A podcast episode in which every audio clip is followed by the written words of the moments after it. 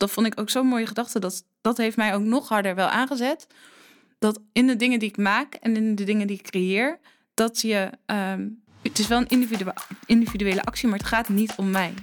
Dus ook als ik op het podium sta, bijvoorbeeld mensen vragen dat wel eens aan mij van ja, maar wa- wat je praat of hoe je dat zegt, van hoe kan je dat zo sharp en zo zeggen? Maar ik doe, ik ben op dat moment ook helemaal niet met mezelf bezig. Ik ben gewoon bezig met de intentie en wat ik wil brengen en dan komt het of zo op een magische manier of zo door je heen. Je luistert naar aflevering 27 van de Creators Podcast, waarin ik in gesprek ga met Simone Levy over de combinatie van spiritualiteit en big business. Simone Levy is succesvol online ondernemer met een levensmissie om vrouwen te empoweren.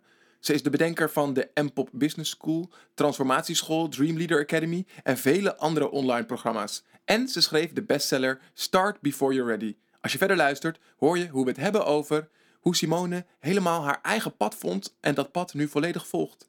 Hoe Simone pioniert in de online businesswereld en anderen hiermee inspireert. Het miljoenenbedrijf dat Simone opbouwde in de afgelopen jaren en de volgers, maar ook de haters die dat met zich meebrengt. Hoe we meer ons gevoel mogen volgen in ons werk. En over het doorbreken van taboes over geld. We kijken zelfs even naar mijn beperkende overtuigingen over geld. Hey, wat gaaf dat je luistert naar de Creators Podcast. De podcast die je helpt om meer uit je ideeën te halen. Jij bent geweldig, dat weet ik gewoon. Maar laat jij wel genoeg van jezelf zien? Zien jouw ideeën voldoende daglicht? Ik ben jouw host, Ruben Klerks. En elke aflevering creëer ik samen met een andere gast een nieuwe bron van inspiratie om jou te helpen ook meer te creëren, meer van je ideeën te delen en meer van jezelf te laten zien. Luister lekker verder, raak geïnspireerd en dan niet langer wachten. Laat jezelf zien. Maak die ideeën waar. Ja, 10, 20 jaar geleden was het misschien nog ondenkbaar dat je een business op kon bouwen zonder kantoor. Toch ontstonden de eerste succesvolle online businesses toen al. Eh, en dat was iets dat ik ook wilde: een florerende online business. Ik ging op zoek naar hulp en kwam terecht bij Simone Levy. Zij was een echte pionier en had als een van de eerste in Nederland een succesvol bedrijf als online business coach opgebouwd. Ik volgde haar online businessprogramma MPOP, maak prachtige online programma's, eh, bij Simone. En zette zo de eerste stappen in mijn online business. Inmiddels heeft Simone een miljoenenbedrijf, investeert ze in andere bedrijven en is ze verschillende BV's aan het opbouwen. En als ik heel eerlijk ben, mijn online business is nog lang niet waar ik vind dat die zou moeten zijn. Ik heb denk ik nog wat belemmerende overtuigingen te breken. Ik kan nog veel leren. Simone Levy laat zien dat spiritualiteit en big business doen hand in hand gaan. Het taboe rondom geld moet doorbroken worden, zegt ze. Dat taboe en andere belemmerende overtuigingen wil ik vandaag graag met Simone bespreken. Wat fijn dat je er bent, Simone. Ja, nou helemaal, eh, helemaal leuk. Ik heb er ook echt heel veel zin in en eh, nou ja, al een mooie introductie. Ja, Dus ik heb ja. ook echt heel veel zin in dit eh, gesprek. Nou, dan vliegen we er gelijk in. Ja. Je lijkt me iemand die eh, helemaal haar pad gevonden heeft. Kun je je nog herinneren hoe het was toen je nog niet op dat pad was? Ja, zeker. Dat kan ik me echt nog heel goed herinneren. Ehm, omdat ik, ik, ik voel me nog ook wel echt iedere dag blessed. Dat ik ehm, helemaal mijn pad aan het bewandelen ben. En Ja. dat ik iedere dag nog, als ik wakker word, weer denk van... Yes, weet je, ik heb weer zin om te werken. En, eh, en ik ben helemaal blij om mijn ding te doen. En ja, de herinneringen van vroeger, van de basisschool of van de middelbare school... of dat je daar een studie moet gaan kiezen. En echt, ik had gewoon totaal geen idee wat ik wilde gaan doen.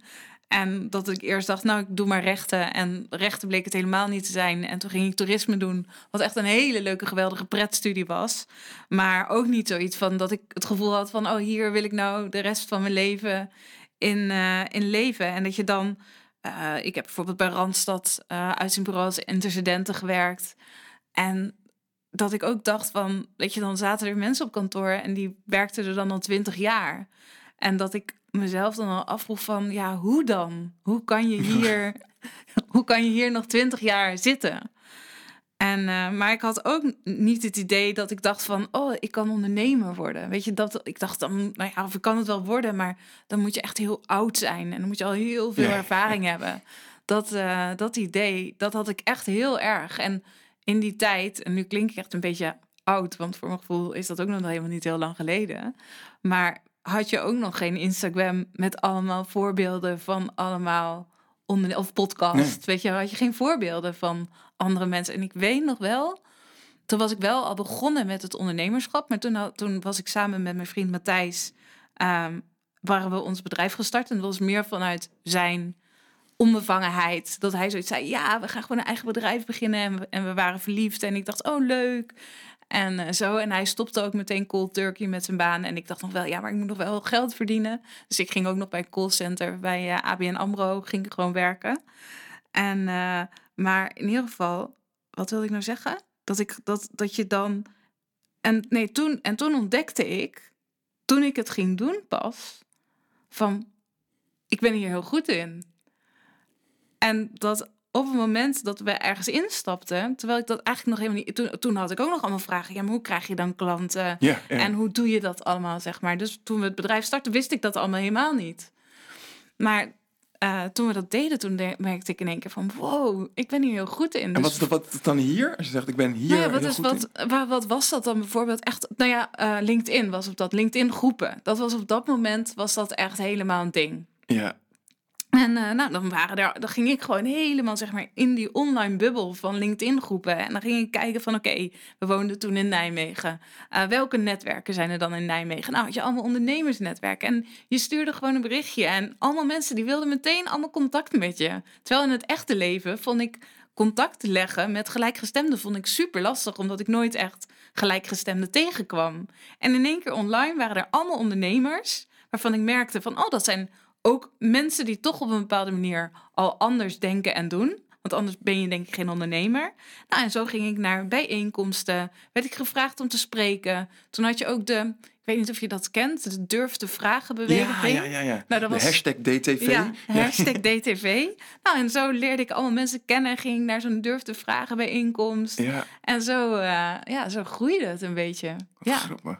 Ja, en want, want hoor, hoor ik je dan zeggen dat, dat je goed was in, in, in, in die online wereld? Ja, ik was heel goed in om mezelf in die online wereld te profileren. En ik had ook het idee van, oh, hier kan ik echt helemaal mezelf zijn. En hier vinden mensen het ook tof hoe ik ben en hoe ik denk en de stappen die ik zet of eh, ja, dat soort dingen. Want ik was altijd wel een beetje het technische eh nerdmeisje of zo, weet je dat? Dus ik wist van wel heel goed al hoe het internet werkte. Ik maakte bijvoorbeeld ook al sites op, eh, op de hogeschool, weet je, voor lectoraat of weet je, dat soort dingen.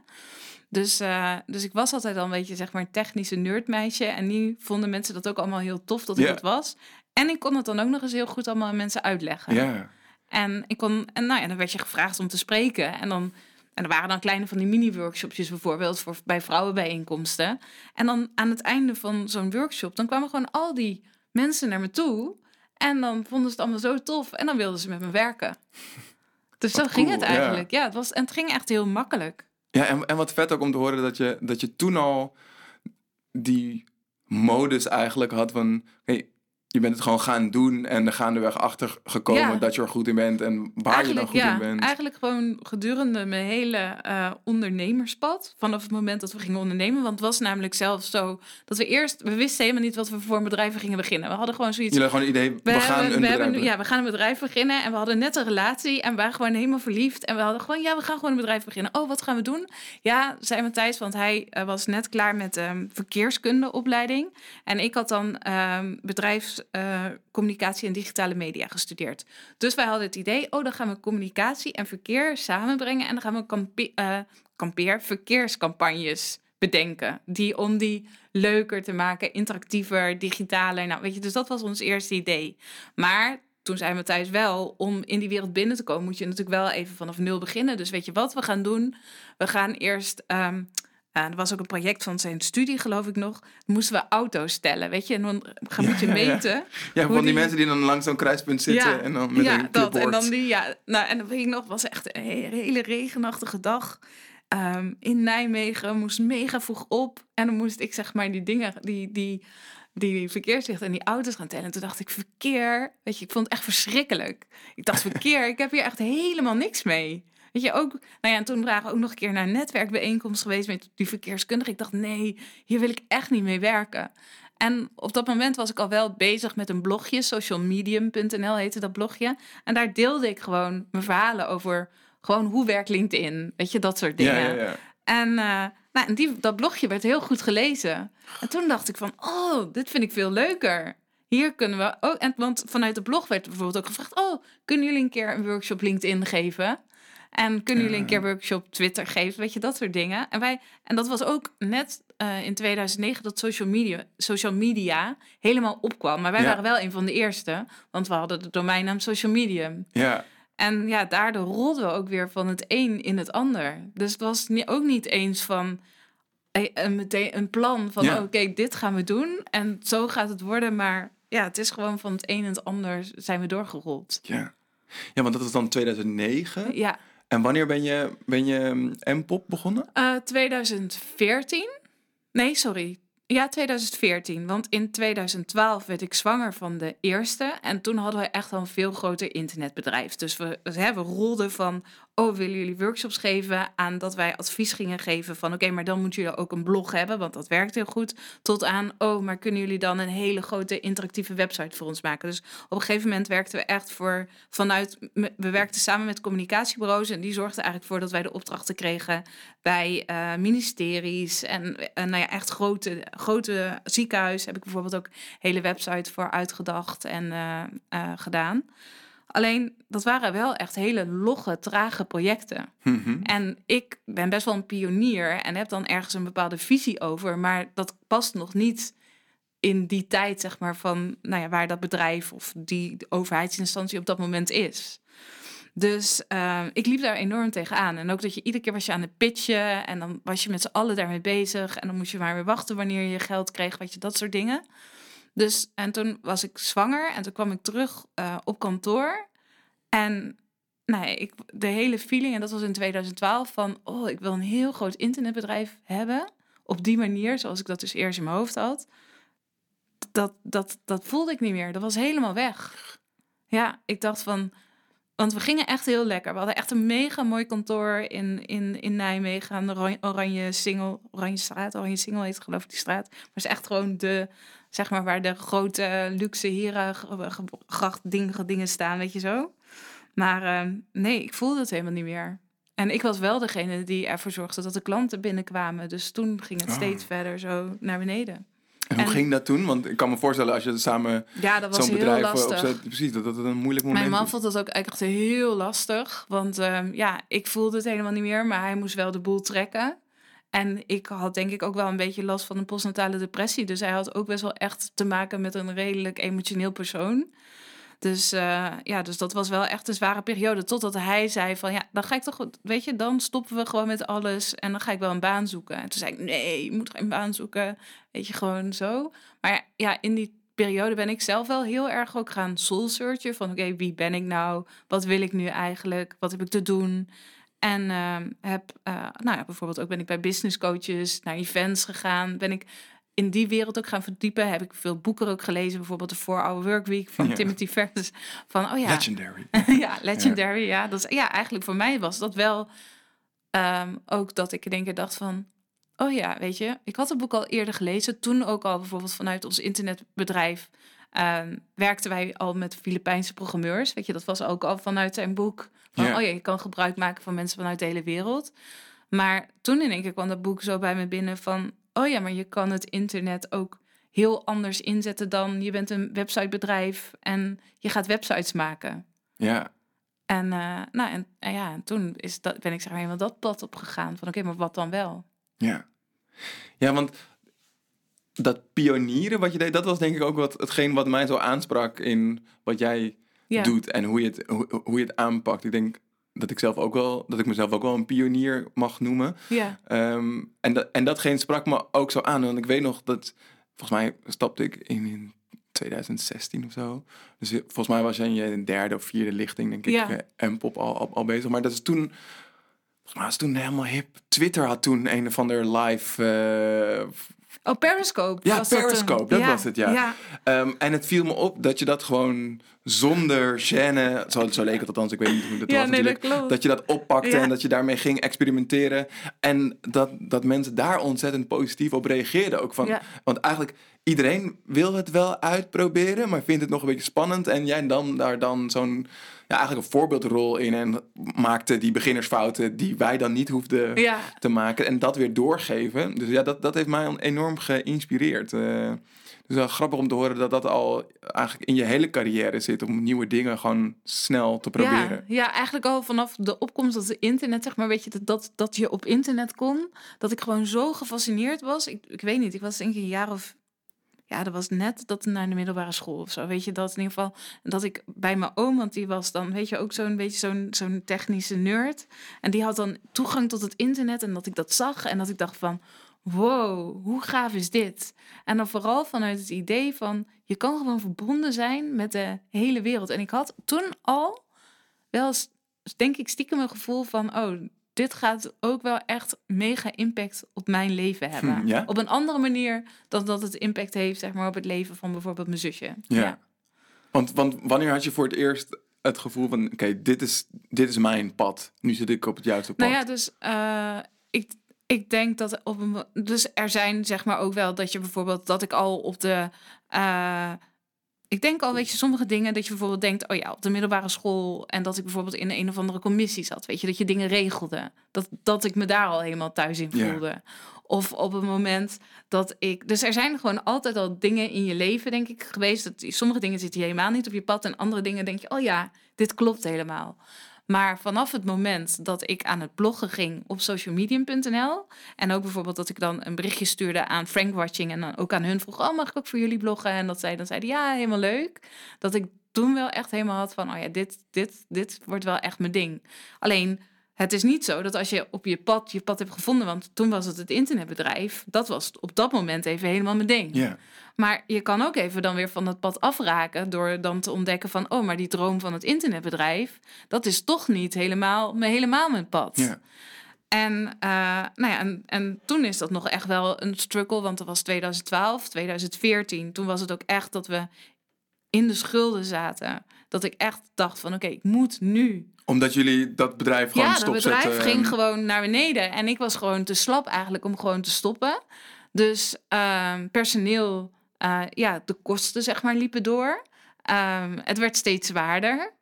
Ik ging ondertussen doorzoeken. Ja, tot het moment dat we eh 25.000 bij de bank hadden geleend. Maar dat dat ook zeg maar helemaal het laatste ding was.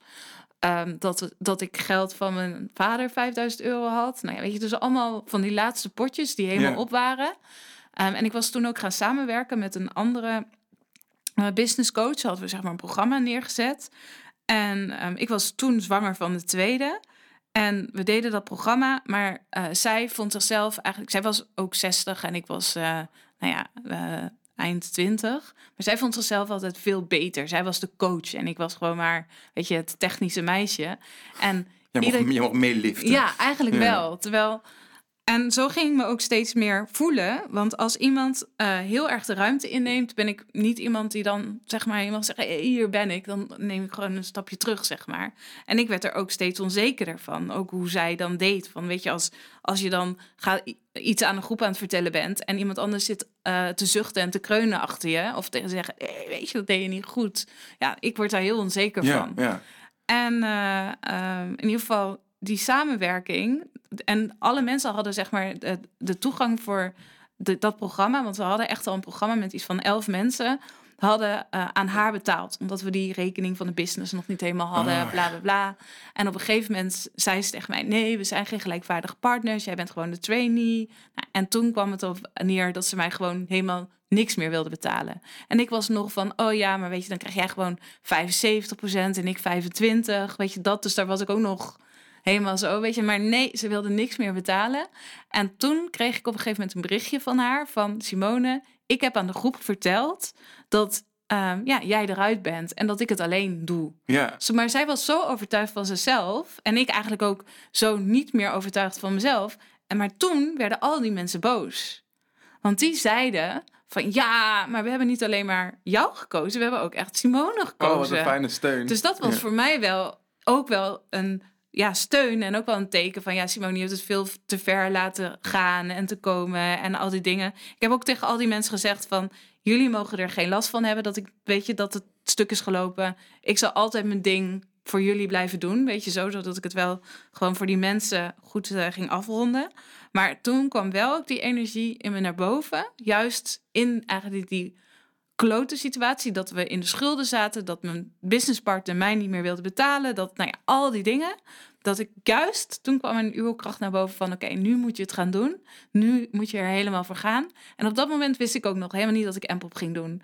Maar toen ging ik gewoon met een hoogzwanger hoofd een gratis Mailchimp training maken. en Mailchimp, dat is een systeem waar je zeg maar websites en mailing, eh, eh, nee niet websites, maar mailings eh, kan versturen.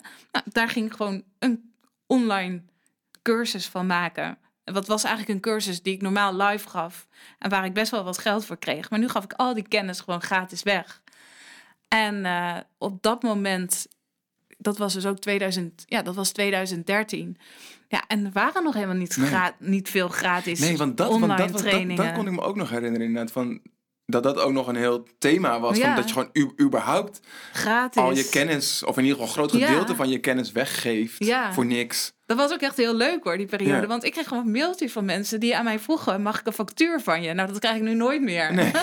En nu, is- nu Nu is is iedereen van ja, Simone Levy, wat is de volgende stap? Weet je, waar gaan we dat? Maar ik wist ook nog helemaal niet wat de volgende stap was. Dus dat was ook wel echt heel leuk. En toen zag ik een training van Marie Forleo. Van, nou, zij is een, een grote Amerikaanse pionier als het gaat over online ondernemen. En, ehm, en dat programma was 2000 dollar. Maar ik had eigenlijk helemaal geen geld. Maar ik voelde gewoon, ik moet dit gaan doen. Maar waarom? Wist ik ook niet. Want ik wist heel veel van internet. Ik wist heel veel van online marketing. Maar toch voelde ik, ik wil het gaan doen. En ik kon het aan niemand uitleggen. En ik heb toch de training stiekem gekocht. Met mijn creditcard in termijnen. Weet je gewoon dat. Ik las in je boek dat Matthijs het niet wist. Nee, hij wist het ook echt niet. Nee, hij wist het echt niet. Want ja, soms voel je gewoon dat je keuzes moet maken in je leven dat je, die je ook niet kan eh, uitleggen aan anderen. Want als je dat, daar al met andere mensen over gaat praten, dan, dan word je eigenlijk al van je pad afgeleid van ja, maar. Of nou ja, kan van alles. Of kan ook zijn, ja, je moet het wel doen, maar dat je al met een totaal andere visie dan er al meedoet. Ik ben soms best iemand die dan daarin heel introvert of gesloten in is. En als ik het dan, omdat ik het gewoon dan zelf ook niet precies weet waarom ik het doe, maar dan doe je het en dan, dan snap je het. Eh, Hoewel het wel lijkt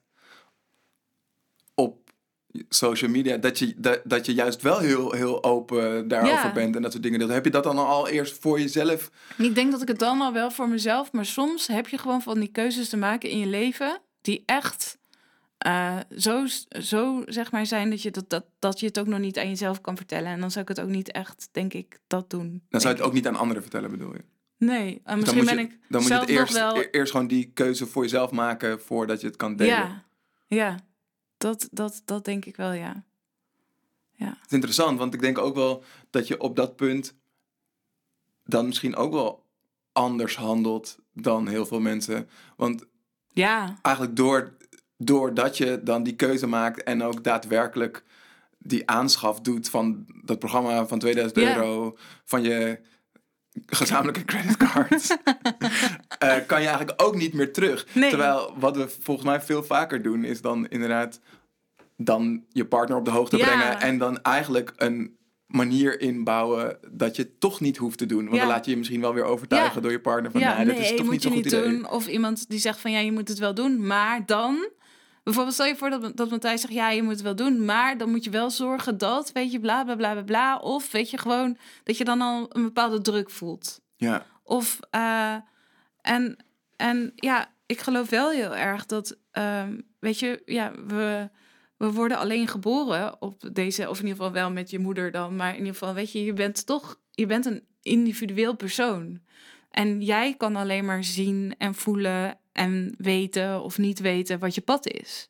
En ik vind het zo jammer dat we onze keuzes die we maken in het leven zo erg laten bepalen door de mensen uit onze omgeving. Want zeg je dat je dat, je dat soort belangrijke keuzes altijd zelf maakt, zonder bijvoorbeeld Matthijs of je, of je en dat ouders. weet Matthijs ook heel goed. Ja? Dus nu, ja, ik ben daar ook echt heel, eh, ja, of egoïstisch in, of weet, ik weet niet wat het is. En, maar hij steunt me daar, weet je, want toen hij er dus ook achter kwam dat dat zo was, vond hij het zelf ook heel erg dat ik het niet ver- wel. Want toen ik verdeelde het bij hem toen ik mijn eerste succes had gehaald, weet je, dus dan had ik een webinar en toen zei ik, nou ja, en toen hadden we heel Oh ja, veel eh, geld nog, in. ja. Toen deelde ik het en toen moest hij heel hard huilen. En, ehm, maar ja, hij huilde gewoon omdat hij het zo erg vond dat ik het. ehm, ja, dat ik het niet, zeg maar, die keuze aan hem durfde te, of niet durfde, maar niet aan hem had gedeeld. Omdat hij dan zo'n gevoel had van, oh ja, maar ik wil je altijd steunen, zeg maar, in de keuzes die je maakt. Maar nu ja, zijn we ook alweer zoveel jaar verder en weet hij ook gewoon in business, sowieso, weet je, ja, met de keuzes die je voor je kinderen maakt, is natuurlijk ook weer heel anders. Maar ehm, in business. Wat maakt het anders als het, als het gaat om je, om, om, Ja, je ja, kinderen? weet je, dan ben je met z'n tweeën natuurlijk. Dus dan, als, ja, dan is het toch van dat je soms wel bepaalde dingen moet overleggen. Ook al kan ik daar ook wel behoorlijk eh, ja, eigenwijs in zijn, maar hij ook wel. Maar ik bedoel, dan heb je toch, weet je, ben je met met z'n tweeën. En bij dit is het wel echt, het heeft nog meer invloed op je leven. Of ja, op je eigen leven, zeg maar. In, in ieder geval in de beslissingen die ik in business maak Ja. en de keuzes. En hij weet ook wel van oké, hij, hij, ja, hij, hij zegt er ook niks meer over. Ook al weet je, heb ik. Het was het laatste voorbeeld, want ik, ik zat te twijfelen weet je, of misschien een businesspartner in Empelbok ging. Maar toen had ik heel veel eh, kleren gekocht. En Wacht kleren, even, deze link leg ik Ja. even niet tussen. Nee. tussen de- maar toen had ik dus heel veel kleren gekocht. Maar maakt het niet uit. Maar die kleren, weet je, ik kan onder zeg maar bepaalde dingen kan ik zeg maar kleding afschrijven. Want weet je, vanwege eh, eh, kosten. En toen dacht ik wel, shit, weet je, dan gaat er straks iemand ook in mijn business. En dan moet ik in één keer gaan verantwoorden. ja, ja, Waar, weet je, van, oh, ik zie hier dat je voor eh 2000 euro aan kleding hebt gekocht. Weet je, wo- hoe... Toen dacht ik, nee, dat wil ik echt niet. Weet je, dat. Maar nu gaat het over kleding kopen, maar het gaat ook over personeel aannemen. Over al die dingen, zeg maar. Die neem ik allemaal... eh, ik haal heel veel uit mezelf. Klinkt ook alsof je veel zelf wil doen en zelf die vrijheid wil houden om Ja, gewoon... Ik vind dat wel echt heel... eh, ja, ik vind dat echt heel belangrijk. Dus, dus de eindconclusie was dat je, dat je niet met een businesspartner zou gaan werken. Nee, dus nou ja, uiteindelijk heb ik met die businesspartner heb ik gesproken. En die zei ook van ja, Empop, het is ook wel helemaal Simone en Simone Brand. En dan is het ook wel heel moeilijk als er iemand anders erbij komt. En ehm, weet je, om dat al helemaal te rebranden, dat al weet je, had ook een investeerder gezegd, weet je, dat kan wel vijf jaar kosten. Ja. En toen hadden we het ook met elkaar over. Toen zeiden we van, nee, eigenlijk is het, we zijn allebei heel slim, zeg maar in online. Maar dan is het eigenlijk toffer om die, wat we samen, dat, wat we dan hebben, om daar een, een andere business van Gewoon te een nieuwe maken. BV op te zetten. En daar, Ja, en dan gewoon ja. een heel tof idee te, do- te doen en dat uit te rollen. Ja. Ja. Hey, even terug naar, Ja. Eh, naar, dat, eh, naar dat pad. Want eigenlijk, je bent toen eh Empop begonnen en daarna ging het echt hard. Want gingen duizenden mensen aan meedoen. En Ja, dus de want- programma's werden groter. Want ik dacht eerst van de allereerste keer dat ik dat lanceerde, dus dat was eigenlijk na die Mailchimp training. En toen volgde ik die cursus van Marie Forleo en zij zei toen start before you're ready. Nou, dat was gewoon een zin die op dat moment mega resoneerde. Want toen dacht ik, waarom zit ik nou zo lang te wachten? Ik wil, ik, wil, ik, ik had eerst het idee, weet je, dan ga ik gewoon heel high-end met vijf ondernemers en dan vraag ik dan 6000 euro voor, weet je, en dan ga ik ze leren online programma te maken. En toen dacht ik, toen zag ik in één keer iemand anders in een online programma. Dus je leerde ook niet hoe je een online programma moest maken, maar eigenlijk de hele marketing daarvoor.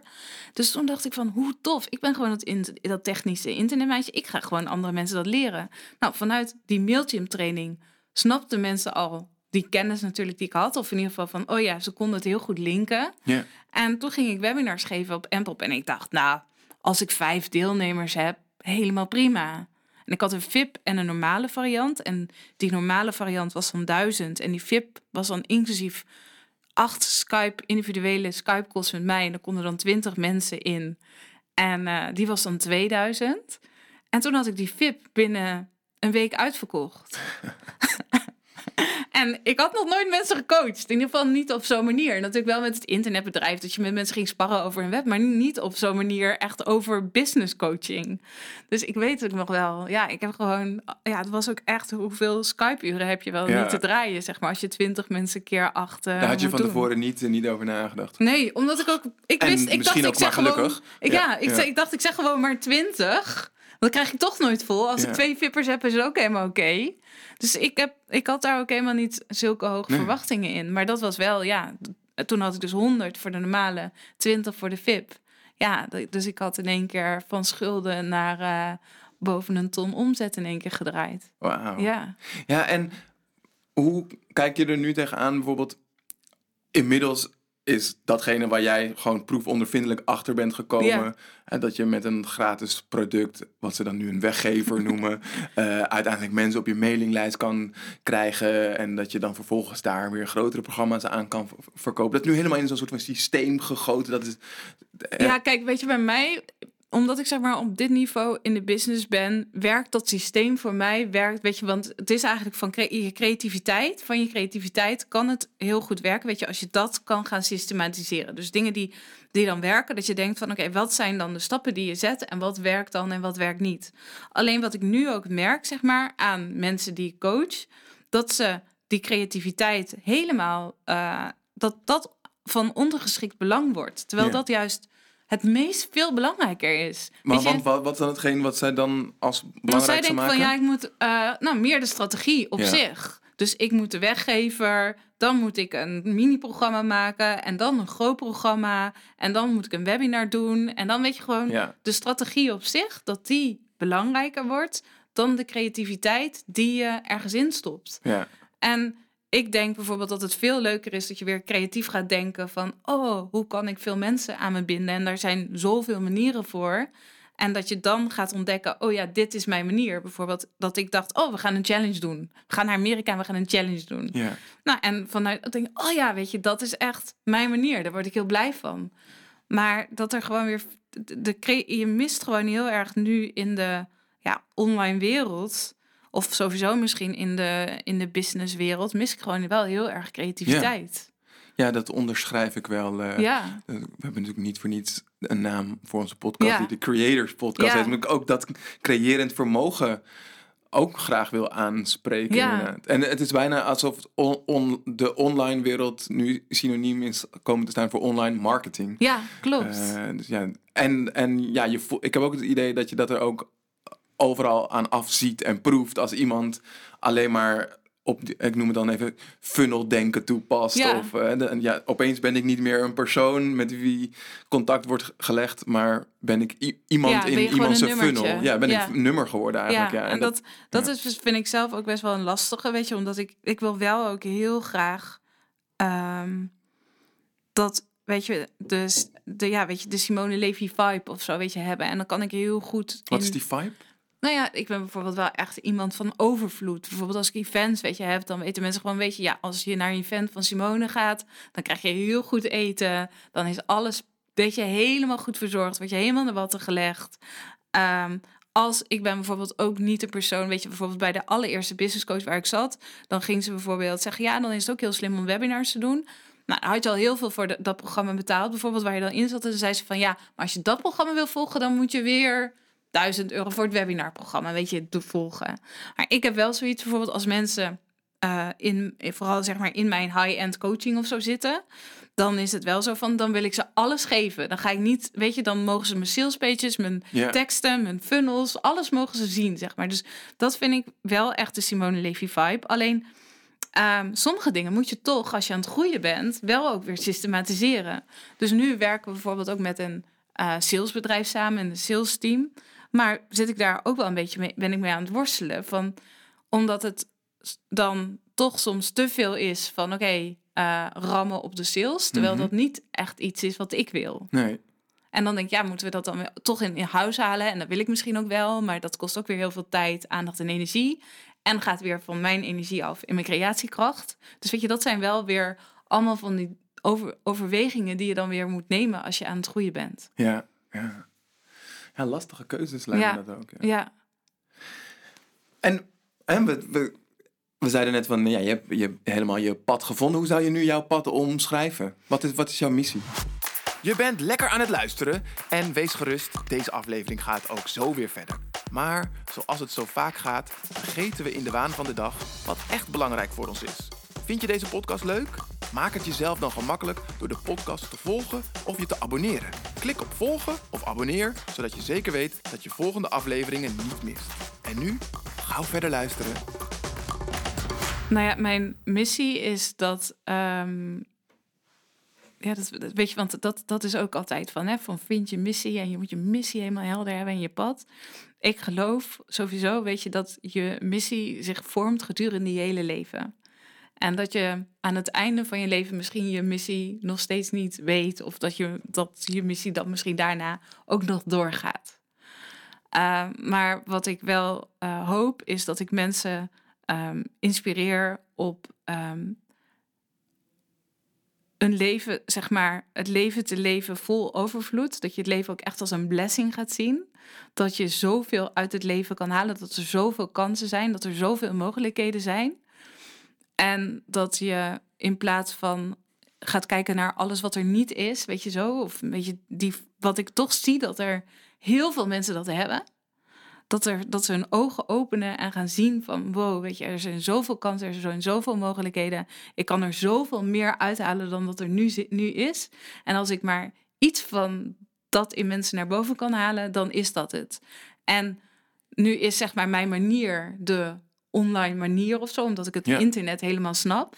Maar het internet zelf, of bijvoorbeeld ook maak mensen leren hoe ze een online programma moeten maken, dat zie ik gewoon zelf ook echt weer als iets wat er weer voor heeft gezorgd, waardoor ik mijn missie ook weer ja, groter kan leven. Het kan best zijn dat het over tien jaar of twintig jaar misschien iets totaal anders ja, is. Dan heb je een klopt. ander voertuig. Ja, ja. ja. Mooi. Ja. Ja, en, ik, en wat ik ook merkte aan, aan je website en aan al je communicatie, dat je ook heel erg inzet op de combinatie van spiritualiteit en ja. big business, wat je ook letterlijk met uh, bold letters uh, schrijft. maar, maar wat is spiritualiteit eigenlijk voor jou? Nou ja, ik denk dat dat ook wel echt. Um, ik geloof dat er uh, meer is dan dat we, dat we als mens uh, kunnen zien, kunnen weten of kunnen begrijpen. En uh, dat er heel veel mensen die willen dan ergens een naam aangeven. Bijvoorbeeld, weet ik veel wat, we gaan van 3D naar 5D. Of weet je, we gaan. En eerlijk gezegd, ik heb daar niet zo heel veel mee. Omdat ik dan denk, ja, maar dan maken we weer van iets wat we zelf niet kunnen vatten en niet kunnen begrijpen. Proberen we er weer een menselijke termen en benaming aan te geven. En um, ik vind het daarom ook heel lastig om spiritualiteit uit te leggen, omdat we het eigenlijk allemaal niet echt precies weten. Nee. Maar dat we het wel uh, voelen dat er meer is. En, dat, en, en ook dat als je, in ieder geval dat is het dus voor mij, dat als ik me openstel en uh, dat er in één keer gewoon ook weer uh, synchroniciteiten gaan lopen. Dat er kansen op je pad gaan komen waarvan je dacht van, hè, weet je dat? Dat er veel meer is, ook in ons hele leven, wat we kunnen verwezenlijken, wat Ja. we zelf niet zien, maar wat we wel kunnen ontplooien. Dat de creatiekracht die we als mensen in ons hebben, dat die nog veel groter is dan dat we zelf kunnen bedenken. Ja, En het idee ook, ja, ik ben daar ook ik, altijd al, weet je, als kind al wel mee bezig van, weet je, dat je in de wereld en dat je dan je voorstelt, al die mensen die dan allemaal weer hun eigen verhalen, hun eigen levens hebben, weet je, gewoon miljarden mensen over de hele wereld. Dat kunnen we gewoon niet bevatten hoe groot dat eigenlijk Ja. is. Maar aan de andere kant, als je dan een beetje zo uitzoomt, dan voel je je toch ook wel weer verbonden of zo. Dat die connectie er ook weer is. En dat alles weer met elkaar in verbinding is en staat. En ehm, ja, en dat is iets, iets heel groots. ja. En hoe, en hoe rijm jij dat bijvoorbeeld met... Want ik vind het best wel opvallend als je Ja. zegt van... De, eh, dat je heel Die erg met, bigness. Die big business. Nee, ik bedoel eigenlijk nog dat, dat ook. Daar, Ja. ben, daar ben ik ook, ook benieuwd naar. Maar vooral naar als je zo met die verbondenheid bezig bent, hoe je dat ook weer rijmt met je, met je eigen individualiteit die je, die je eerder benoemde. Nou ja, omdat, je dus, omdat we dus zo verbonden zijn met elkaar, is de impact die je dus als individueel persoon he- hebt ook nog veel groter dan dat je zelf hebt. Want bijvoorbeeld mijn zoontje, die had ehm eergisteren had hij zeg maar een heel ongeluk gehad, zeg maar met zijn hoofd, weet je, een enorme wond. Maar daarvoor was ik met hem naar de homeopaat gegaan. Toen weet je, had ik hem op schoolplein afgezet en toen weet je was die wond gebeurd en nou ja, die wond is gebeurd en eh, ja, hij is gevallen met gym. Nou, is helemaal vol bloed. Al die kinderen zeg maar zijn, heeft ook weer impact. Op die ouders, weet je, gewoon al die dingen. En dan zit ik alweer te denken van, oké, maar stel je voor dat ik een minuutje later van die homeopaat was gegaan. Hij was misschien daardoor met ticketje, had hij iets beter, weet je, was dat moment niet gebeurd. Waren al die levens op een bepaalde manier anders gaan lopen. Door gewoon iets wat ik misschien, uh, als ik iets um, een minuut eerder of later of zo anders had gedaan, dan was het niet zo gelopen. Maar dat betekent dan, maar daar kan ik dan heel diepzinnig over doordenken. Van, dus dat betekent dus ook dat als ik nu nou ja, een bepaalde weggever maak en mensen lezen dat op een bepaalde manier en mensen interpreteren dat, ik zeg nu weggever, maar ja. je snapt wat ik bedoel, dan heeft dat impact op iemands leven. Ja. Hoe dan ook. Alleen al dat iemand het op de computer opent en daar tijd voor maakt. Dat heeft dus ook weer invloed op, nou ja, alle andere dingen, weet je, wat het met elkaar te maken heeft. Zeg maar, als alles één is. Ja. Dus dan denk ik van, ja, dus op individueel niveau hebben we dus ook echt enorm veel impact. Ook op levens van anderen. Ja. ja, en tegelijkertijd ook weer niet, toch? Want het is, het is ook dus niet te verklaren waarom jouw zoon niet één minuut eerder of later daar kwam en, en, en of die dan wel of niet zou zijn gevallen. Dus als je dat door zou vertalen naar, naar je business. Ja. Wat als je die weggever net iets anders had gemaakt of uh, niet had gemaakt, uh, dan, dan had je ook impact gehad, toch? Ja, dan had je ook impact gemaakt. Maar je kan dus soms wel, denk ik, je impact. Je kan, ik geloof wel dat je je impact dus veel meer. Kijk, dit, dit wat er nu gebeurde met mijn zoon, dat kon ik eigenlijk niet sturen, omdat ik dat niet kon weten. Maar sommige dingen voel je gewoon van, oh, maar dit, dit gaat gebeuren als ik dit doe. Maar dan hoor ik heel veel mensen van, ja, maar ik doe het niet omdat ik bijvoorbeeld bang ben voor mijn eigen grootheid. of, of ik doe het niet omdat ik het niet durf. Ja. En dan doe je het dus niet. En dan hou je jezelf, zeg maar, daarin tegen. En dan gebeurt het, weet je, dan gaat er iets niet op gang. En ik, dat is bijvoorbeeld ook, dan denk ik, oké, stel je voor dat ik de cursus van Marie Forleo niet had gekocht. Ja. Dat ik Mpop niet had gemaakt. Denk je dat je dan, denk je als je toen niet die uh, uh, illegale creditcardactie had uitgevoerd, dat je dan nu niet was geweest op de plek waar je nu bent? Uh, ik denk, ja, dat is wel een interessante vraag, ja. Ik denk dat ik dan er ook wel was gekomen, maar wel dat het langer had geduurd. Ja, dus het heeft het versneld. Dus eigenlijk door jouw invloed, denk je, dat, die je hebt uitgeoefend, door die actie die je hebt ondernomen, uh, ben, je, ben je sneller in, in die richting gekomen. Ja. Dan ben je eigenlijk, je, je bent een ik tijdreizer. Geloof ook wel dat, ja, ja, en ik geloof ook wel dat er dus heel veel mensen zijn die dus bepaalde dromen hebben Hè? En, en misschien vroeger nog veel meer, omdat ook dat allemaal in versnelling gaat. Omdat je gewoon steeds meer mensen als voorbeeld ziet die dat ook doen. Waardoor je zelf ook gaat denken: oh ja, ik ga er nu wel voor. Um, maar dat, dat, weet je, ja, vroeger dat mensen dan, als je dan doodging, dacht van shit, weet je, ik, al die, ik had al die dromen, maar ik heb het gewoon niet gedaan. Ja. En, en, en, maar dat je daarin jezelf dus niet alleen maar belemmert, maar misschien dus ook heel veel andere mensen. Mm, dus ook gedachte. als je deze podcast. Dus dat is meer van als je deze podcast aan het luisteren bent en je denkt, kijk, dat vond ik zeg maar toen ik ook bij Gabby Bernstein uh, was. Dat vond ik ook zo'n mooie gedachte. Dat, dat heeft mij ook nog harder wel aangezet. Dat in de dingen die ik maak en in de dingen die ik creëer, dat je. Um, dus mijn het is wel een individuele, individuele actie, maar het gaat niet om mij. Hmm, ja. Dus ook als ik op het podium sta, bijvoorbeeld mensen vragen dat wel eens aan mij van ja, maar wat je praat of hoe je dat zegt, van hoe kan je dat zo sharp en zo zeggen? Maar ik doe, ik ben op dat moment ook helemaal niet met mezelf bezig.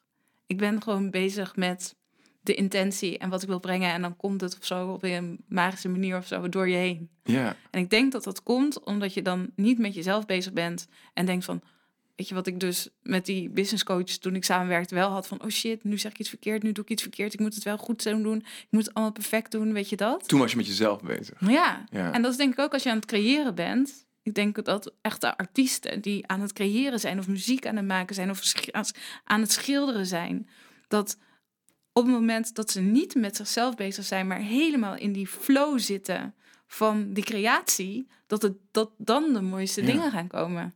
Maar als je gaat, echt gaat nadenken van, oh ja, waarom pakte ik nu eigenlijk, weet ik veel, ik kan zelf helemaal niet tekenen, maar waarom pakte ik nu eigenlijk zwart in plaats van, Ja, ja, weet je, dan, dan, dan word je uit je flow gehaald. Ja.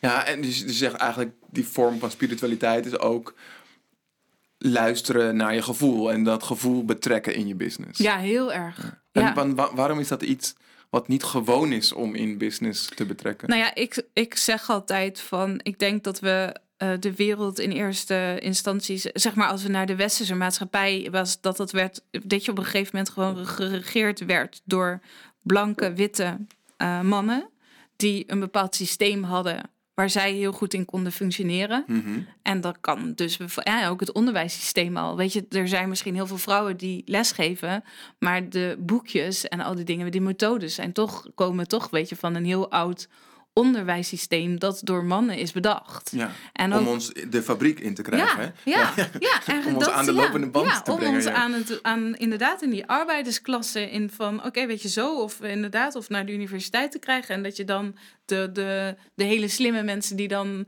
eh, weet je, als dokters konden gaan werken, weet je, dus dat daarin het zo is alles ingericht. En ja, misschien, ja, dat is eigenlijk wel een hele interessante. Van ook als je dan bijvoorbeeld weer kijkt naar online business. En je kijkt naar al die systemen die er zijn. Hè?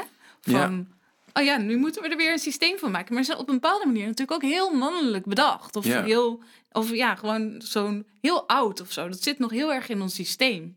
Terwijl ik denk, als je naar ehm, Indonesië zou gaan, ik zeg maar wat, hè, en misschien daar zou kijken van, oh, hoe denk je daar over business en je business neerzetten? Dan gaat het al veel meer natuurlijk vanuit intuïtie en flow en weet je dan dat. Of je laten leiden door de spirits of door wat, wat er tot je komt. En, ehm, en ik, voor mij is mijn intuïtie is altijd leidend in eh, de dingen zeg maar, die ik doe. Dus niet het systeem, ook niet de data, of niet, ook niet de deadlines, of ook niet de planningen. Dus Nee. soms wordt mijn team daar ook wel heel, helemaal gek van. Want dan, eh, dan hebben we iets helemaal uitgestippeld, of zelfs iets bijna afgehuurd. En dan zeg ik: nee, voelt niet goed, doen we toch niet. En dan, dan moet iedereen ook mee. Ja? Ja.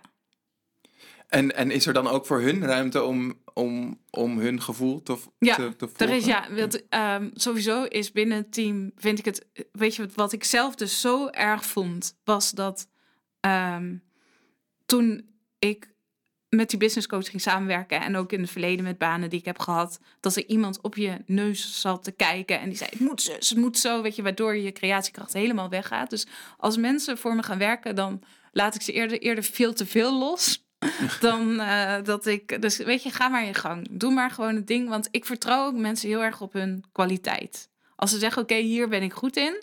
Dan vertrouw ik mensen erop dat ze daar goed in zijn. Totdat het tegendeel bewezen is. En dan kan ik juist wel weer redelijk resoluut zijn. En zeggen: Oké, dan is het klaar. Neem je ze ook aan op gevoel?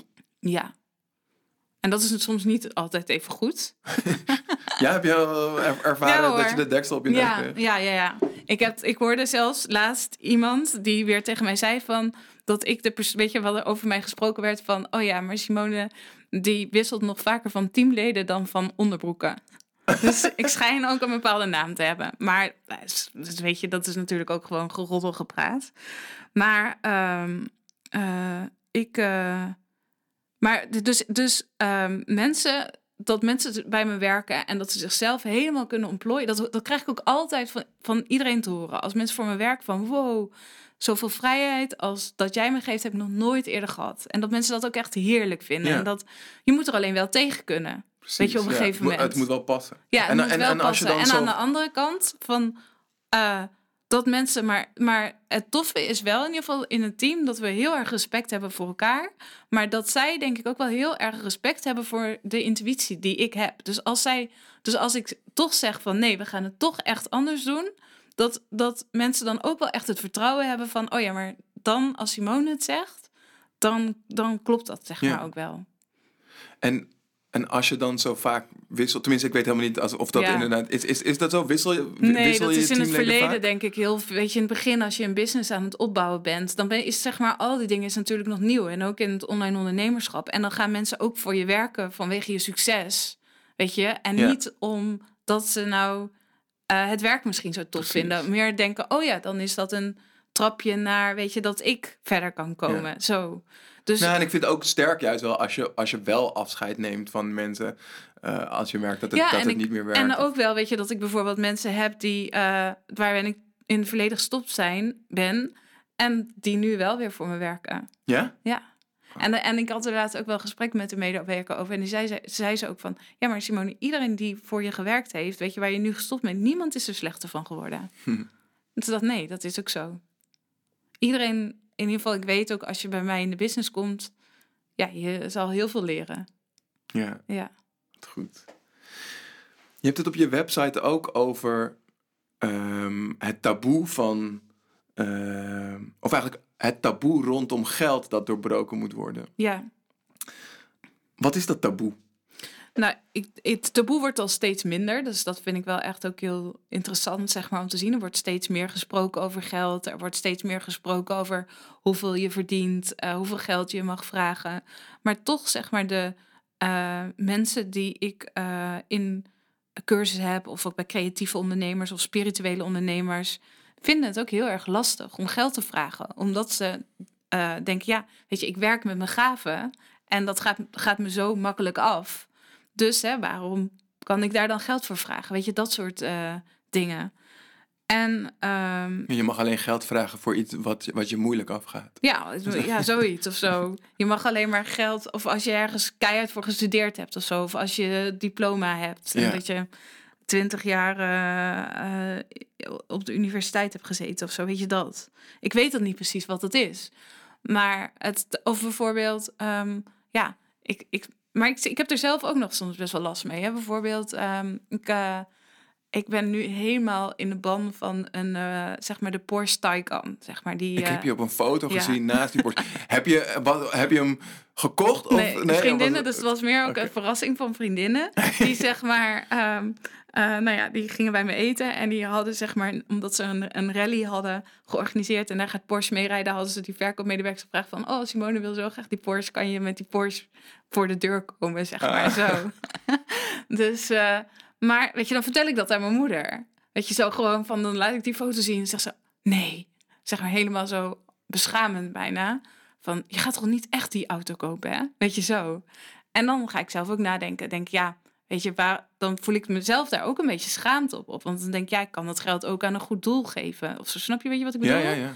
Van, ja, waarom heb ik dan toch ook nog dat verlangen aan dat hele grote materiële? Hmm. Dus daar kan ik, dus snap, snap je, dus ik voel daar op een bepaalde manier zelf ook wel een taboe over. Maar het is natuurlijk helemaal niet zo. Ook als je er spiritueel naar kijkt, of of. Ik bedoel, ik steun heel veel goede doelen. Ik eh, eh, geef regelmatig geld aan mensen. Gewoon, weet je, ja, weet je wat ik, weet je waarvan ik voel, oh ja, weet je, jij kan wel wat extra geld gebruiken. Weet je, dat soort dingen. En dat kan dan en dat mag allemaal. En dat is ook allemaal heel logisch, zeg maar, om dat te doen. Maar voor aan jezelf echt zoiets groots te kopen, dat is nog wel echt een ding. ja. Ja. En Ja. vooral misschien. En maar in een bepaalde wereld is dat een ding. Want ik bedoel, als je kijkt naar hele succesvolle eh, eh, artsen en die, die rijden in zo'n auto, ik zeg maar wat, of een advocaat en die Hmm. rijdt in zo'n auto. Ja, dan is het logisch of zo. Maar het was wel leuk, want ik ehm, was net op de parkeerplaats. En eh, ik had met. En, en dat vind ik dan ook echt heel tof. Want ik had met haar gesproken, zeg maar, over die Porsche. En toen zei ik van ja, volgens mij is die Porsche ook best wel leuk, zeg maar, voor mijn marketing. Weet je gewoon, want je maakt er een soort statement ook Ja, mee. ja, van, ja. Weet je zo. En, Je eh, was bezig om de anderen ervan te overtuigen dat het een hele goede uitgave was. Ja, zo ja. Maar wat dat zei, zij heeft nu een Range Rover gekocht. Maar dat was omdat ik zeg maar dat had gezegd van oh ja, weet je, we moeten onszelf dat ook gunnen, dit en dat. En zij, nou ja, heeft binnen een maand die Range Rover gekocht. En dat vind ik Zij dan heel wel. tof. Ja, en zij zei ook tegen mij, ja joh, en het werkt goed voor mijn marketing. dus dat was wel heel grappig, ja. Dus, ehm, maar ik vind, dat, ik vind dat dus wel heel interessant, zeg maar. Ja, Ja. ja want, want, want heb je denk je dan dat er een taboe is rondom veel geld verdienen? Of laten zien dat je veel Ja, geld ook. hebt verdiend? Ja, ook. Beide. Ja, Ja. ja. La- laten zien van, eh, ja, eh, pronken met je geld. Of weet je van, ja, dat doe je allemaal niet. Weet je dat? Gewoon. ehm, en aan de andere kant ook, ehm, ja, vertellen dat je veel geld wil verdienen. Of dat je rijk wil Ja, dat je zijn. wilt, hè? Ja, Ja, dat. Dat, is, dat is ook wel echt een taboe. Ja, ja het, is wel, het is wel grappig. En ook bijvoorbeeld Ja. mensen die, die, die. En weet je, dat, dat, dat zou ik ook heel graag willen doorbreken. Dus bijvoorbeeld dan. ehm, eh, denken mensen bijvoorbeeld meteen bij mij ook van... oh ja, maar als ik dan dat programma heb gevolgd bij Simone... dan, dan denkt zij er al zo systemisch over na... dat er dan alweer een vervolg is. Weet je, dus dat je eigenlijk in een soort van funnel komt... waardoor je, waar, waar je nooit meer uitkomt. Weet je, gaat van het ene naar het andere, naar dit, naar dat. Terwijl ik daar zelf helemaal niet zo mee bezig Nee. ben. Ik ben veel meer bezig van, oké, hoe kan ik mensen op welk niveau weer verder helpen? En hoe kan ik ze, weet je, daar... En ik, tuurlijk denk ik er wel ook over na van, hoe kan ik mijn business daarin ook strategisch laten groeien? Maar de groei van iemand anders zal altijd voorop liggen. Ja. Maar toch wordt er dan nog gedacht, oh ja, maar Simone, ja, die heeft zoveel geld, die heeft dit. Ja, daar zit gewoon altijd wel een addertje onder het gras. Ja? En ja, in ieder geval, dat, dat, niet dat iedereen zo denkt, maar er zijn wel veel mensen die nog zo denken.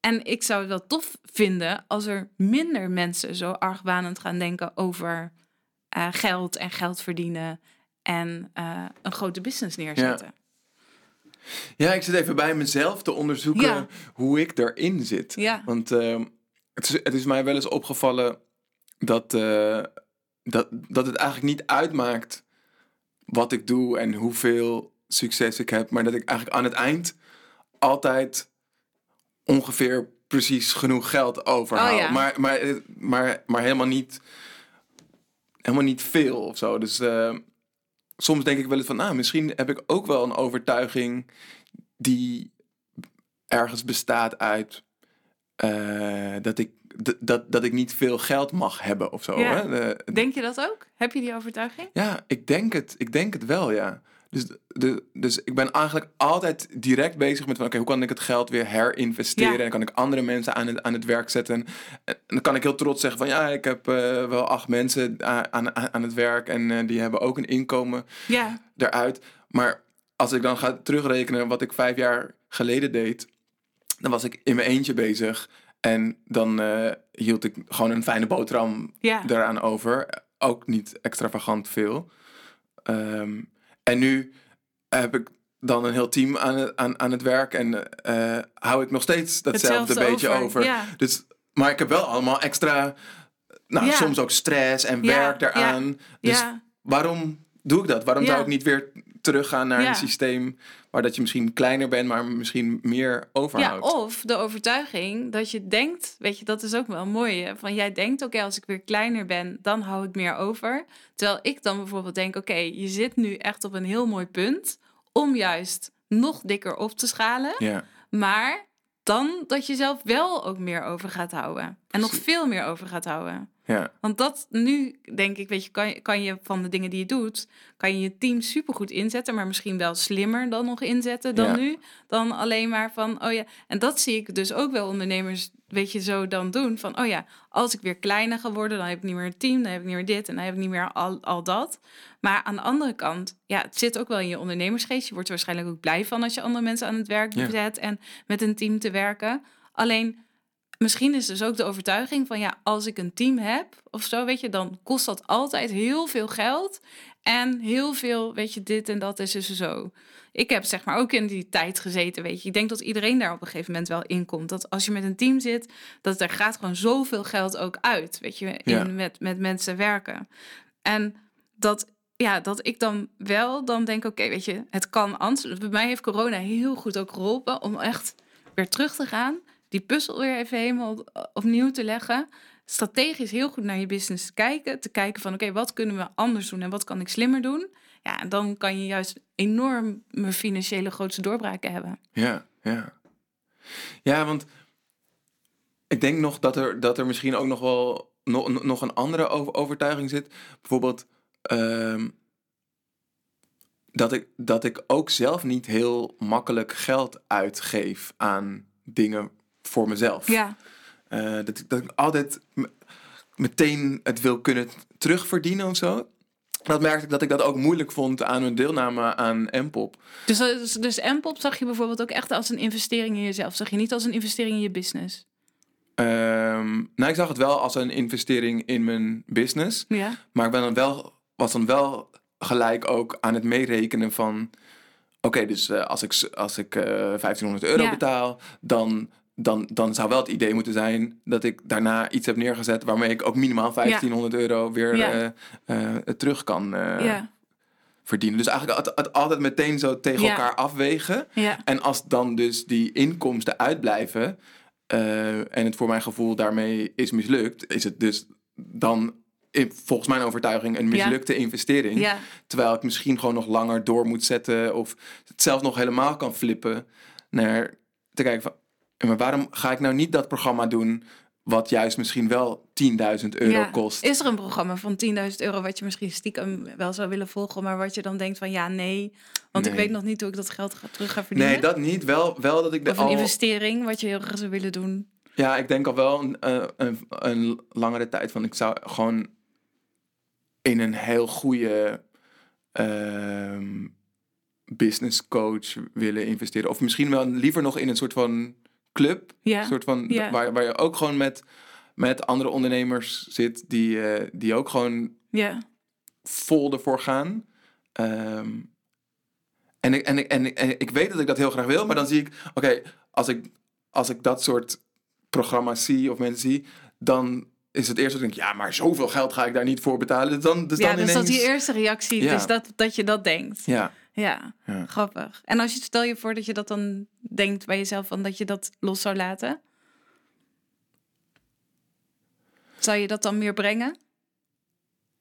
Of kom je dan Ehm, in de financiële problemen? Ehm, nou, problemen niet. Maar ik zal dan, dan, dan moet ik wel andere, andere keuzes maken, denk ik. Eh, eh, Ja. En wat voor keuze zou je dan moeten maken? dan moet ik stoppen met, eh, met, met ehm, andere projecten of daar geld in insteken. En dat zijn dan vaak projecten, denk ik. De, degene waar ik dan mee zou moeten stoppen zijn degene waar ik, waar ik veel tijd en geld in stop, waar ik ook niet per se iets uit terugkrijg. Dus wat dingen die ik juist voor anderen doe of die ik gewoon vanuit passie doe. Ehm, Maar die zou je wel gewoon door willen blijven doen. ja, het liefste wel, ja. Ja, ja. ja. Maar wel grappig eigenlijk, hè? Dus dat je denkt van, oh ja, dus als ik in iets ga investeren, wat long-term juist ook meer moet opleveren, toch? Maakt niet uit ook dat Ja. je zeg maar niet weet wat, maar dat je dan toch bang bent om het te verliezen en dat je met allemaal dingen moet stoppen. Ja, ja dus dat je, dat je het zo arbitrair maakt. Dat Ja. je dingen tegenover elkaar Ja, zet. Alsof het het een niet naast het ja, ander kan klopt. bestaan. Alsof het allemaal, weet je, dat het of-of is op geld of zo, weet je dat. Terwijl je juist natuurlijk die investering ook wil doen, zodat je zelf kan groeien, veel meer over jezelf gaat leren, dat je misschien nog wel veel toffere klussen kan doen, omdat je mensen leert kennen die, weet je weet het niet wat er dan op Nee. je pad komt. En ehm, dat is denk ik wel wat ik, ehm, wat heel erg mijn mindset is, zit ik nu ook te bedenken, is dat ik niet bang ben om te verliezen. Dat ik, en dat ik ook een partner heb die niet bang is om te verliezen. Ja. Dus als wij bijvoorbeeld denken van... Ja, weet je, stel je voor dat ik nu een hele, hele grote risico... Ik weet niet. Oh ja, ik zei een keer tegen Matthijs, zei ik van... Ja, zou ik al mijn geld gewoon nu in bitcoins gaan stoppen? Weet je, gewoon zo. Zegt ja hoor, doe maar. Weet je, doe maar gewoon. Waarschijnlijk heeft hij al, heeft hij al wel ge- ge- geleerd dat dat de beste manier is om Ja, ervoor te zorgen dat je het niet doet. dat zou ook kunnen. maar hij is dan wel heel relaxed of zo, weet je zo. En dan, ja, nou ja, doe maar, weet je. Maar echt, maar hij is ook wel zo nuchter van... als we dan weer met z'n allen in, in een flatje zouden moeten wonen, weet je zo... dan, dan hebben we het ook fijn met elkaar. Ja. En, eh, en dat vind ik zeg maar zelf ook wel een heel fijn idee of zo. Weet je, dat ik weet van, oké, wat er ook gebeurt. Nou ja, ik denk dan ook altijd wel van, nou ja, ik kan altijd wel geld verdienen door één iemand te coachen, weet je zo. Ja. Er is altijd wel werk. Misschien niet Ja. meer zo groot, maar ik zal, ik zal altijd wel werk hebben. Ja. Het is niet dat ik, weet je, dat je vanuit nul komt. Want je hebt al zoveel skills. Nee, dat heb jij natuurlijk ook. Je hebt zoveel skills, ervaring. Je zal altijd wel werk hebben. Ja, nou, en, dat, en dat vind ik ook altijd wel een, een, een fijn Ja, begrip. Dat, ik zeg heel vaak tegen mijn vriendin van... Ja, weet je, als ik in een supermarkt moet gaan werken om eh, vakken te vullen... dan doe ik het ook, weet je. Ja. Dat, ja, dat, dat klopt. Het is wel een fijne basis om op te kunnen terugvallen. En Ja. dan zelfs weet je nog dat je natuurlijk ook wel creatieve skills hebt. Dat je, Daarom, dus je kan altijd, en dat Ja. komt eigenlijk altijd wel goed of zo, weet je zo. En dan denk ik, ja, dan hebben we dan, eh, weet ik veel wat, dan moeten we ons huis weer verkopen of dan weet je zo. Ja. Dus te- vanuit die basis denk ik, ben ik ook niet bang om keuzes te maken daarin. En eh, ja, ga ik weet je, vind ik dat niet lastig. Dus zeg maar, ik heb ook, weet je, bijvoorbeeld dan in een, zou bijvoorbeeld mijn belemmering aan de overtuiging is om, stel dat ik bijvoorbeeld een hele dure mastermind of zo wil gaan doen, zou eerder mijn belemmerende overtuiging zijn: oh, dan moet ik weer naar Amerika reizen. Weet je, dan ben ik weer zoveel weg van het huis. Dan ben ik wel zo lang, weet je. Ik, ik zit heel graag gewoon in mijn eigen bubbel. dat vind ik zeg maar dan meer dingen zeg maar dan geld. Ja. Maar, maar wat ik dacht dat jij ook zou gaan zeggen, namelijk is van wat ik namelijk zelf wel lastig vind met geld, is echt dingen kopen voor me, echt voor mezelf. Dus ik bijvoorbeeld, ik zie een mastermind investeren. En Ah. dingen zie ik echt als een investering in mijn business. Dus dan denk ik altijd, oh ja, weet je dat, eh, weet je, eh, ik moet mijn winst, weet je, want iedereen zegt wel altijd van je moet kijken naar winst en niet naar omzet. Maar ik denk altijd wel van, ik moet mijn winst zo laag Ja, we mogelijk leven wel houden. in Dat is dan wel een heel groot ding, maar ook eh, eh, een, een, eh, bijvoorbeeld een, eh, ja, een nieuwe iPhone of zo. Weet je, dat heb ik niet echt zakelijk nodig. Want we hebben hier allemaal camera. Weet je, dus ook bijvoorbeeld een nieuwe iPhone. Die ik zelfs ook nog wel zakelijk zou kunnen kopen, maar toch, dan, dat zou ik, dan vind ik dat ook al. Denk, ja, waarom eigenlijk? En dan loop ik nu met zo'n gebroken iPhone rond. Maar wat is dat dan? Dat je, dat je, dat je, dat je niet in jezelf. Ja, dus, wil nou ja, ik denk dus dat, dat dat dus ook iets is, zeg maar. Dus dat ik dan denk van, oké, ik heb het al zo goed. En waarom, het weet je, het is allemaal al zo oké. Hmm. En bijvoorbeeld, eh, één keer per jaar ga ik met mijn moeder, oh, in ieder geval dat hebben we nu twee keer gedaan, op retraite in Thailand. En dat is echt een mega dure reis. Dus 15.000 euro voor die reis, zeg maar. Wauw. Ja, dat is echt super de luxe resort. Echt helemaal, nou ja, echt allemaal heel, niet zeg maar decadent luxe, maar gewoon echt helemaal zo fijn eh, dat je helemaal Mhm. naar wat wordt gelegd. Maar dat, ik denk dat als ik dat in mezelf alleen zou investeren, dat ik het ook niet zou kunnen. Maar omdat ik het samen met mijn moeder doe, dan denk ik, oké, het is iets wat ik dan ook aan mijn moeder geef, wat we dan samen kunnen delen als een herinnering. Dan vind ik het ook weer iets anders. Dus eigenlijk neem ik misschien mijn moeder wel mee Ja. voor mijn eigen ego. voor mijn ego. Ja, ja nee, want, want het, is- het is zo op, opvallend. Eh, eh, Wederom, als, als je het hebt over van, hè, je, je komt alleen op de wereld en je, moet het, je moet het uiteindelijk zelf doen. Dat, hè, dus als je zo op je eigen individu leunt, dat, Dat je dat, met geld dus, dus dan waarschijnlijk. niet zo is. Dus waarschijnlijk wil ik dat taboe dus ook rondom geld doorbreken, omdat ik daar dus zelf ook nog wel echt een taboe op voel. Ja. En dan is het taboe dat je, dat je gewoon geld aan jezelf mag uitgeven. Ja.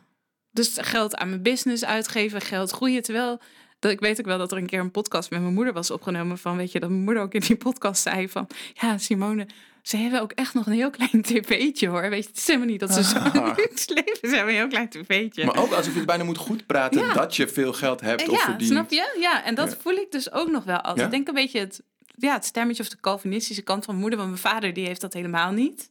Weet je, die, die zou het denk ik alleen maar heel tof vinden, weet je, als ik in die Porsche hem zou komen ophalen. Ja. Hij heeft nu ook bijvoorbeeld echt een mega rijke Chinese vriendin. Nou, daar praat hij ook heel veel over.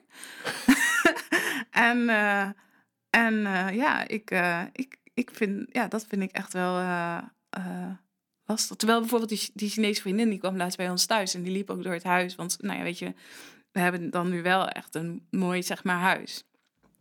En liep zo door het huis. Zei zo, goed gedaan, goed gedaan. Dacht ik, oh ja, weet je, dat is natuurlijk echt zo'n Chinese, eh, ik weet niet, mentaliteit. Van, weet je, je moet hard werken voor Ja. je geld. En dan heb je iets gedaan. En dan aan het huis kan je zien of zo dat je het goed hebt gedaan. Wat goed. Oh, wat fijn als er iemand af en toe eventjes door je huis loopt om te bevestigen dat, je het goed, hebt gedaan. Ja, dat zou, dat zou ik ook wel willen. In je, in, in je boek Start Before You're Ready en heb je het ook over dat, dat je ook best wel veel te maken hebt met haters. Ja, Wat, wat, uit, uit, aan wat voor haters of haat moet ik, moet ik dan denken? Waar, waar, waar nou word ja, je ik op denk gehaat? dus, en dan waar word je op gehaat? Is denk ik toch omdat je dus die preaches doet op geld. Dus dat, dat ze denken van ja, Simone, maar dat is die commerciële rakker, weet je, die wil alleen maar mij in haar programma hebben, omdat ze er zelf alleen maar rijker van wordt. Maar wat is het, wat denk je dat, dat mensen daar zo fel op reageren? Want je, het, is, het, is, er- het is niet dat je ze dwingt, dat je ze onder, onder schot zet om geld aan jou te geven, toch? Nee, nee, nee, nee. Ik denk dat dat dan toch ook iets is van... één kan een soort van eh jaloezie zijn.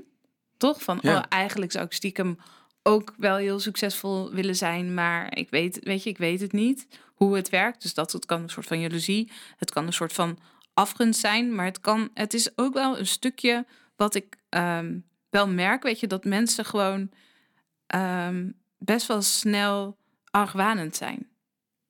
Dus heel weinig vertrouwen hebben. Hmm. Omdat, Nou ja, omdat eh, ze denk ik heel vaak in het bevestigd in hun leven hebben gehad dat de wereld niet te vertrouwen is. maar, de- maar, maar wo- word je dan wantrouwd omdat, om, omdat nou ja, je ben zichtbaar ik, bent ja. of omdat jij eh, omdat wel je veel zichtbaar geld hebt? bent, omdat je geld hebt, omdat je successen boekt, Ja. omdat je wel gewoon eh, Ja, eigenlijk zit daar dus nog die, dat taboe onder of die belemmerende geldovertuiging dat eigenlijk geld is iets slechts. ja. Dus, ah, dus iemand met heel veel geld met kan heel niet geld, goed zijn. Nee, nee dat, is, dat, dat kan. Iemand met heel veel geld, dat is dat wantrouwende. Ja. Van, oh ja, als iemand veel geld verdient, dan moet hij eigenlijk wel over lijken gaan. Want Ja. anders kan je niet veel geld verdienen. ja, wat gek. En dat vind ik juist dus wel zo heel mooi, zeg maar. En dat zou ik dus wel ook wel een beetje willen preachen. Van dat ik ook, weet je, dat is denk ik ook wat ik wel heel belangrijk vind aan geld. Van ja, er wordt zeg maar ook wel heel veel geld, weet je, verdiend waarmee geld de verkeerde kant op gaat. Of weet je, waarin geld, weet ik veel wat, wordt geïnvesteerd in wapens of in macht of weet je, in dat soort dingen. Weet je, die kant is er ook wel. Ja. Maar aan de andere kant heb je natuurlijk ook wel echt heel veel hele goede rijken die ook geld eh, heel veel investeren in hele goede projecten, weet je, om de wereld juist beter te maken. En eh, ja, ik Maar geloof- zelfs eigenlijk dat wat jij, wat jij nu zegt, van, is, is ook al een verdedigingsmechanisme wat niet geactiveerd hoeft te Nee. worden, toch? Je mag toch ook geld hebben zonder dat je het ja, aan, aan wel. anderen geeft? Ja. Waarom, waarom moet je nu nou, ik denk wel. vertellen dat, ja. je, dat, dat, je, dat je dat nee, doet? dat, het is niet dat je het hoeft te vertellen of zo. Alleen het is wel, denk ik, eh, ik denk dat dat dan ook wel automatisch gebeurt. Ja? Nee, ik denk dat als, ehm, als ik geloof gewoon dat als vrouwen bijvoorbeeld meer geld gaan verdienen, dat geld dan al op een andere manier geïnvesteerd wordt. Omdat vrouwen gewoon überhaupt anders met Ja, geld omdat omgaan. vrouwen, vrouwen gaan anders met geld om. Vrouwen zijn toch bijvoorbeeld meer gericht zeg maar, op community en op verzorging dan eh, mannen, zeg maar. Ja. Dus daarom geloof ik ook al alleen al dat het heel goed zou zijn als gewoon meer vrouwen veel, veel meer geld zouden verdienen. Omdat de geldstroom dan ook een wat andere kant op gaat. Ja. Dus dat is wel iets, weet je, wat raakt ook in mijn missie. Ja, precies. Want dat, want dat is denk ik de keerzijde van die haters. Ik sprak ook iemand eh, vorige week, een, een, een ondernemer, en die roemde jou juist. eh, die, Oh. die zei van, eh, ik vind juist Simone zo vet, omdat ze gewoon helemaal haar eigen ding doet. Ehm, juist ook als, als vrouw tegen ehm, dogma's ingaat. Van dat je als vrouw thuis zou moeten zijn of voor je gezin zou moeten zorgen. Maar dat je dus ook gewoon Ja, keihard werkt en Ja, dat je, dat, dat- je dat je, bedrijf ook een belangrijke plek geeft. ja, dat is natuurlijk ook wel echt een ding, weet je. Dan krijgt dat ook heel vaak de vraag van... Dus dat heb je natuurlijk ook nog, de moedermafia. Inderdaad, de haters, de moedermafia. Die dus ook aan mij vragen, ja, maar hoe doe je dat dan? Weet je, met als vrouw en met een gezin. En dan denk ik, ja, maar waarom krijg je als man dan niet die vraag Ja. van... Hoe doe je dat dan? Dan denk ik, ja, wij doen dat gewoon samen. Weet je zo, ja, we regelen het gewoon, weet je. Ja. Dat, dus hoe doe je dat dan? Vind ik al, dan ook altijd al inderdaad echt een aparte vraag. Ja. Dus dat zijn wel allemaal taboes waarvan ik... Ik dacht vroeger altijd, toen ik ging studeren, weet je, waren er gewoon zelfs meer vrouwelijke studenten dan mannelijke studenten. En al die vrouwen die hadden ook allemaal, zeg maar, nou ja, ik was de minst ambitieuze eigenlijk op de universiteit. en nou, toen hadden we een keer een reunie. En, dan, en ik zag gewoon, weet je, al die, die glinsterende ogen van vroeger, die waren allemaal dof uitgegaan. Die, de dromen waren er niet meer. Ze zaten in een gezin, ze zaten in een bepaalde sleur. Ook allemaal helemaal geen leuk werk, geen leuke banen. Dan denk ik van, hoe kan dit? ja.